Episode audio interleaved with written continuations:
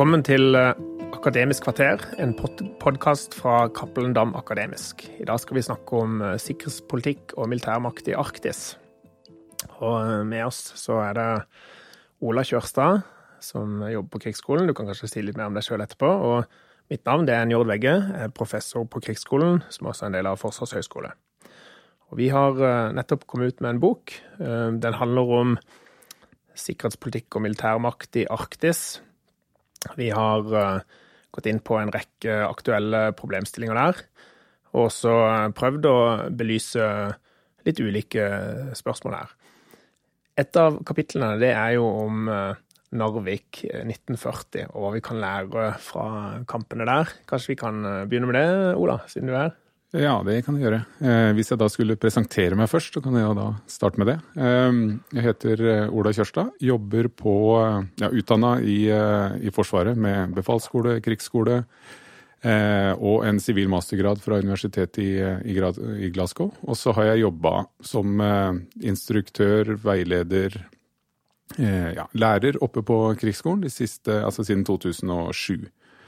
Ehm, det jeg har fordypa meg i, da, eller det jeg har mastergrad i, er uh, tysk offisersutdanning i mellom, mellomkrigstida. Og derfor også kanskje litt uh, grunnen til at jeg snakker om den tyske sida i forbindelse med Narvik-felttoget, og ikke så mye den norske, i hvert fall i denne forbindelse. da. Det er jo interessant. I denne boka så prøver vi å trekke linjen litt tilbake til andre verdenskrig. Vi ser også på den kalde krigen. Og helt opp til i dag, hvor selvfølgelig den uh, veldig dramatiske situasjonen med krigen i Ukraina preger uh, det som skjer. Og selv om vårt fokus er på nordområdene Arktis, så vil jeg jo si at uh, mye av det boka handler om, er ganske relatert til den sikkerhetspolitiske situasjonen i Europa, det store alvoret vi har. Og det er mange, mange temaer her som kobles sammen. Et annet kapittel handler bl.a. om US Marines og deres eh, tradisjon, kanskje, for å øve i Norge eh, i kalde strøk. Men eh, det er jo også noe som de ofte opplever som vanskelig. Og i ditt kapittel, Ola, så ser vi jo litt på hvordan tyskerne i 1940 på en måte gjorde litt av det som amerikanerne ofte har trent på. Å, drive med ekspedisjonskrigføring, operere fjernt fra der de hører hjemme. Og hvordan, eh, hvordan syns du eh, tyskerne klarte det i 1940? Nei, det er jo Jeg, jeg syns jo den delen er, eh, er, veldig interessant. Og det som som, Marinekorpset har trukket fram, er at de også ser et behov for å lære av historien, altså hva som har skjedd før, for å kunne tilegne seg det, ja, de kunnskaper, ferdigheter som skal til for å fungere da, i, under den type forhold, vær, klima som du nødvendigvis da opplever nord for polarsirkelen og i, i uh, arktiske strøk. Um, så tanken med kapitlet er jo egentlig å Hvis man ønsker å lære av historien, så kan jeg jo trekke fram et historisk eksempel på hva som har skjedd. Og hvordan tyskerne løste de utfordringene de sto overfor i, i 19, uh, 1940. Og det som jeg syns det eksempelet illustrerer veldig godt, da, er, eh, som du var inne på, det, altså de utfordringene en eh, ekspedisjonskrigfører, for å kalle det det, altså noen som driver med ekspedisjonskrigfører langt borte fra der du egentlig kommer fra, at du blir satt inn et sted. Det er lange forsyningslinjer, det er ofte begrensa med ressurser, vanskelig å etterforsyne. Tilgang på tyngre våpen er eh, mye Altså er vanskeligere, og veldig ofte at man ja, havner eh, ja, i en underlegen situasjon da, på veldig mange, mange, områder, som gjør at du kanskje må uh, utnytte de ressursene du har og, til det ytterste, og ja, tenke smart rett og slett da, på hvordan du, du løser de oppdragene du, og utfordringene du står, står overfor. Mm. Og hvor da vær og vind og føreforhold eh, får spesielt stor innvirkning på, på hvordan, eh, hvordan, du løser oppdraget. En annen ting som eh, vi også kommer inn på her, er jo eh, forsvaret av Nord-Norge litt mer overordna. Og eh, det er jo et aktuelt tema i dag med nye strukturer som skal presenteres for fremtidens forsvar etter hvert. Utfordringer på å rekruttere både soldater og offiserer etc. Men i et av disse kapitlene også så drøfter vi jo litt om hvordan Nord-Norge skal forsvares. En kjent problemstilling er jo Skulle vi kjøpe stridsvogner, eller skulle man satse på et annet konsept? Nå har jo Stortinget bestemt at det skal kjøpe stridsvogner. Eh, jeg tenker Det kapittelet som omhandler eh, landmakten på nordflanken, det er veldig interessant. Eh, hva tenker du om veien for forsvar og hæren i Finnmark, Troms, altså de nordligste delene av Norge?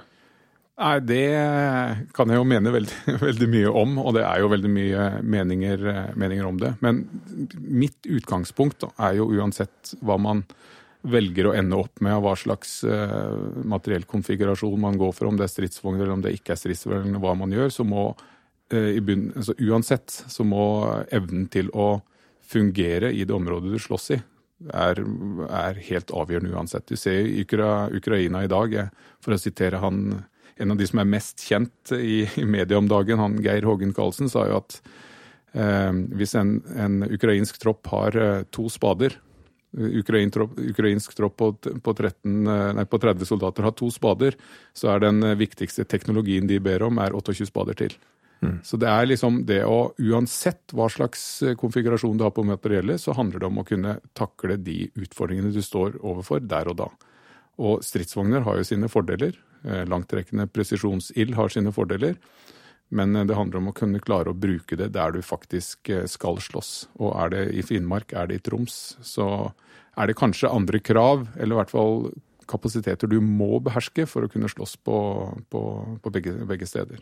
Og der igjen da, så er det det man kan lære av det, i hvert fall det jeg skriver om, og det, av det tyskerne gjør, er hvordan, hvordan mennesker fungerer, hvordan eh, mennesker takler situasjonen, og hva som skal til altså på det menneskelige nivå, hvilke krav som stilles til ledere, til soldater, for å faktisk takle de utfordringene de står overfor. Da. Og igjen, uten å trekke for mye materiell inn i bildet, så er det uansett veldig, veldig avgjørende at eh, de som skal slåss, fungerer og takler de, de, det miljøet som de skal, skal, slåss i. Det kommer man liksom aldri bort fra, uansett om det er stridsvogner eller, man, eller til fots man velger å, velger å slåss. En annen problemstilling som eh, også vi berører her, er jo dette med at uh, Norge er en småstat. Vi har en liten hær, vi har et lite forsvar. Det settes av og til på spissen som at uh, hæren kanskje kan forsvare en bydel i Oslo. Men i dette så ligger det jo at vi er avhengig av Nato, av allierte forsterkninger. Og, og her er jo US Marines sentral og sånn. men det gjelder jo også på en måte hvordan skal Forsvaret som helhet uh, koble seg på og integrere allierte partnere.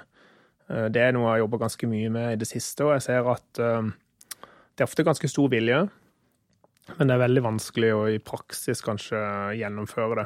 Det snakkes jo bl.a. om multidomain operations, hvor ikke man skal se eh, kun på de ulike grenene, men også kanskje inkludere cyber, informasjonsoperasjoner i luft, sjø, landmakt.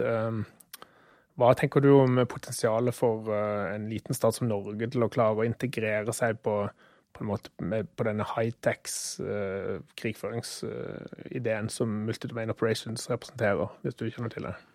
Ja, jeg, jeg, kjenner jo til det og har jo hørt om det. Og det er jo på mange måter bare en videreutvikling av det man alltid har sett innenfor, uh, innenfor krigføring. At teknologi gir stadig bedre og bedre muligheter på, på, på stridsfeltet. Og så er jo da de som evner å ta i bruk dette her, er de som til syvende og sist vil, vil eh, lykkes.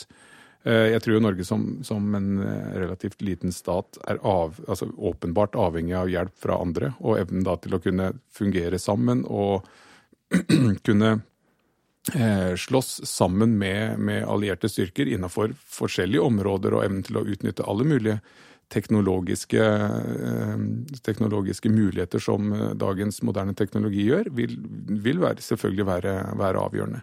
Men jeg tror fortsatt, da, for å gå tilbake for å bli litt kjedelig igjen, så gå tilbake til altså, En eller annen gang så vil på et eller annet nivå så vil noen stå overfor det å rett og slett bare takle, måtte takle de fysiske elementene. Og det er først og fremst der som jeg har, det jeg har skrevet litt om, og som også US Marine Corps eh, er veldig opptatt av, med at de vil trene i eller hvorfor de vil trene i Norge, er nettopp for at de må venne seg til å kunne klare å takle det fysiske miljøet som det blir eh, stilt overfor. Selvfølgelig med de teknologiske mulighetene og kapasitetene som de, som de vil kunne besitte, sånn som eh, eh i dag. Mm. En annen ting jeg har merka meg siden jeg kom på krigsskolen for noen år siden, det er at det er ofte vanskelig å finne kanskje den en, bok eller litteratur på norsk som har en sånn helhetlig tilnærming til disse spørsmålene. Og noe som jeg også vil kanskje trekke fram som er bra med denne boka, er at vi har et eget kapittel som går på luftmakt i Arktis, og så har vi et som går på sjømakt, i tillegg til land. Så det, det er veldig spennende for de som syns det er bra, så har vi til og med et eh, nynorsk kapittel her, eh, representert med vestlending fra eh, Sjøkrigsskolen. Så det vil anbefale alle å kikke på. Jeg vil jo også kanskje si at de kapitlene som handler om Svalbard og militær aktivitet, det er jo et spennende kapittel. Svalbardtraktaten regulerer jo en del av aktiviteten der, og i paragraf 9 så har det jo dette med at eh, Svalbard ikke skal brukes til krigslignende formål. Og Norge skal ikke kunne bygge befestninger, ehm, ja, militære anlegg. Eh, men hva med sånn såkalt dual use-kapasiteter? Det er en hel rekke problemstillinger som er interessante å, å belyse der. Og det er også et ganske spennende kapittel her. Så ehm, jeg tenker for leseren så, så får man et ganske godt eh, innblikk og litt helhetlig introduksjon til eh, viktige spørsmål i Arktis. Ja, jeg, og jeg er selvfølgelig helt enig, og jeg tror også spennende i boka at du får forskjellige ting som det, som det snakkes om, er også noe som gjør at Uh, uten, at, uten, at, alle går veldig i dybden, så gir det i hvert fall et, et bredt bilde innenfor forskjellige områder som er interessant, bare som rent opplysnings, uh, i opplysningsøyemed, for å få litt mer forståelse for hva som faktisk rører seg i nordområdet. og som også kommer fram flere steder, viktigheten som ikke bare Norge Mange ganger så får man inntrykk av at det er Norge som snakker om nordområdene, men noe denne boka viser, er i hvert fall at det er ikke, det er ikke bare Norge som tenker på, på nordområdene. og eh, at det åpenbart eh, er i ferd med å bli en arena som er interessant for eh, veldig mange andre enn bare, bare Norge. Mm. Et annet uh, interessant kapittel her som også jeg vil tenke er ganske um, aktuelt og og nytt, på en måte. Det er jo dette med hybride trusler, eller sammensatte trusler. Så eh, et av kapitlene ser jo spesifikt på Troms og Finnmark, og i hvilken grad den landsdelen er eh, utsatt for det som kan være sånn i skjæringspunktet mellom eh, krig og fred. Altså det er litt sånn gråsone. Det, det, er ikke åpenbart fiendtlige handlinger, men det er heller ikke noe som man gjør hvis man er i dyp fred. Det kan være fiendtlige invasjonsoperasjoner, um, f.eks. sabotasje, andre typer utnyttelse av sårbarheter. Jeg tenker det er også et spennende kapittel for folk å lese. Ja, i hvert fall all den tid man hører så mye om det i media som man gjør. Og det er ikke bare i Norge det er aktuelt, det er jo overalt det er eh, aktuelt. Og selvfølgelig også et mye brukt middel fordi folk dør ikke på samme måten som en, en, det man forbinder med en regulær krig, da, så er jo den type kapasiteter blir sikkert ikke noe mindre aktuelle på, på det moderne, moderne, stridsfeltet. Så du er jo uh, offiser og har jobba i Forsvaret lenge og, og nå instruktør på krigsskolen. og Fokus vil jo kanskje ofte være på, på dette med voldsmakt, uh, uh, sånne rene militære operasjoner. Hva tenker du Forsvarets rolle er i mer det hybride spektrumet her, eller for sammensatte trusler. Har du tenkt noe på det? Har du reflektert noe over det? Nei, vi, vi, skal bli, vi, skal jo brukes til det vi blir fortalt at vi skal brukes til, på mange måter. Så at vi blir satt inn Jeg veit ikke om grensegangen har gått opp i Norge ordentlig, på hvor Forsvaret overtar for politiet med tanke på sikkerhet osv., men det er nok helt sikkert en jobb som blir mer og mer viktig framover. Eh, men jeg tror jo uansett at eh, norske soldater, norske offiserer, må være i stand til å takle et veldig bredt spekter av, eh, av oppgaver for å takle trusler som man, man, står overfor.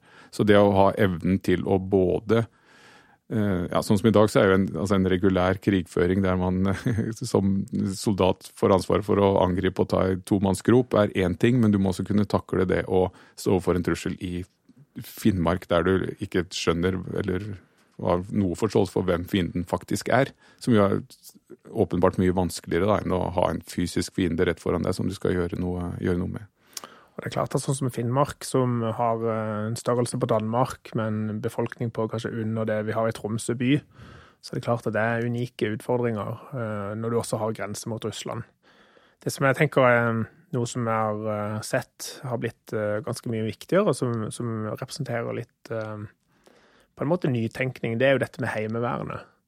Altså, Heimevernet har jo i veldig mange år, fra slutten av den kalde krigen, sånn som jeg har opplevd, i hvert fall vært en salderingspost hvor man har kutta og skåret ned og ja, kanskje lagt prioriteten et annet sted. Og så med anneksjonen av Krim i 2014 Eh, og ikke minst nå når vi ser fullskalaangrepet og invasjonen av Ukraina i 2022, så ser vi hvor viktig på en måte enkeltpersoner som har militær trening og kan bidra, hvor viktig det er. Og jeg tenker særlig kanskje da i Finnmark og, og spredtbygde strøk, så er jo Heimevernet utrolig viktig. Ja. Men det, jeg, tror, jeg, er jo enig i det, men jeg tror fortsatt, da, for å liksom trekke det ned på nivå igjen, som også den boka viser, altså at spennet både i omfang og bredde, men også nivåer fra strategisk til taktisk. Og jeg tror hvis Heimevernet skal kunne gjøre noe, så må de fortsatt kunne fungere i det miljøet de skal operere i. Altså De må være trent for det, de må ha kapasitetene som skal til. Vi kan si Heimevernet skal gjøre det, men da må vi vite hva, ja, hva er det de skal gjøre. Mm. Og det kapitlet mitt snakker litt om hvordan sånn konkret på taktisk stridsteknisk nivå, hva er viktig? Hvordan kan man tenke for å lykkes da i, i det miljøet som man skal, skal, slåss i. Og det er ikke spesifikt til Narvik, det er mer spesifikt i den type miljø, med de type ressurser, med det styrkeforholdet man har, eh, som det mitt kapittel da snakker, snakker om. Mm. Hvordan vil du si eh, Eh, den enkelte mann med begrensa militær utdanning og sånn eh, håndterte Narvik på norsk side. Hvordan, eh, hvordan bidro de? Nei, på, på, norsk side så har du, som i, på Østlandet, så har du hele spekteret. Fra de som deserterte, til de som fungerte helt utmerket og fremsto som, som ekstremt kapable soldater.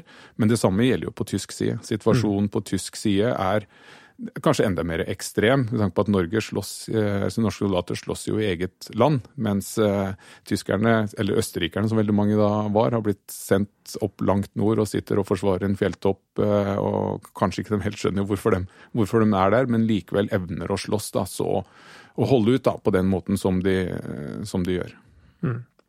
Jeg kan jo også kanskje nevne det at jeg har hatt gleden av å ha vært med på en tur til Narvikstraktene med deg, blant annet, og sett eh, du fortelle og peke over eh, disse stedene hvor kampene fant sted, og vi så hylser ikke sant, og patroner og forskjellige rester ligge igjen fra, fra aprildagene 1940. Det var utrolig sterkt, egentlig. og ja, veldig spennende. Det, det, er jo noe jeg anbefaler alle å faktisk gjøre, hvis man skal få litt forståelse for som, var, som skjedde ved Narvik. For jeg syns Narvik Nå kommer det en film om, mm. eller har jo kommet en film om Narvik-felttoget, og det syns jeg virkelig er noe som er, har vært mangelvare i norsk krigshistorie. Å få fram ja, den bragden, vil jeg si, da, som norske soldater gjorde der oppe. Og det er litt sånn, når du står midt inne i fjellheimen der og forteller hva hva, hva, norske soldater, og for så vidt tyske, hva de var i stand til å gjøre, så er det nesten så man ikke tror at det er mulig når man ser fjellet, når man legger på en halvmeter råtten snø og du tenker vær og vind. Eh, og liksom blir fortalt hva som skjedde og hva de var i stand til, det er Jeg syns det har vært litt dårlig kommunisert da i norsk krigshistorie, og det syns det er eh, bra at det blir løfta litt mer fram i lyset, sånn som det har blitt i det, i det siste. Mm. Sånn sett er det jo en eh, god timing med Narvik-filmen eh, akkurat nå, ja, det, hvor eh, dere jobber med dette. Passer, passer, jo, passer jo, bra. Ja. Men da tror jeg vi rett og slett gir oss. Dere har nå hørt en samtale hvor vi har gått inn på boka 'Sikkerhetspolitikk og militærmakt i Arktis'. Og dette er en podkast fra Cappelen Dam Akademisk. Og boka den er nå tilgjengelig både på nett og som trykt utgave. Ha en fin dag videre.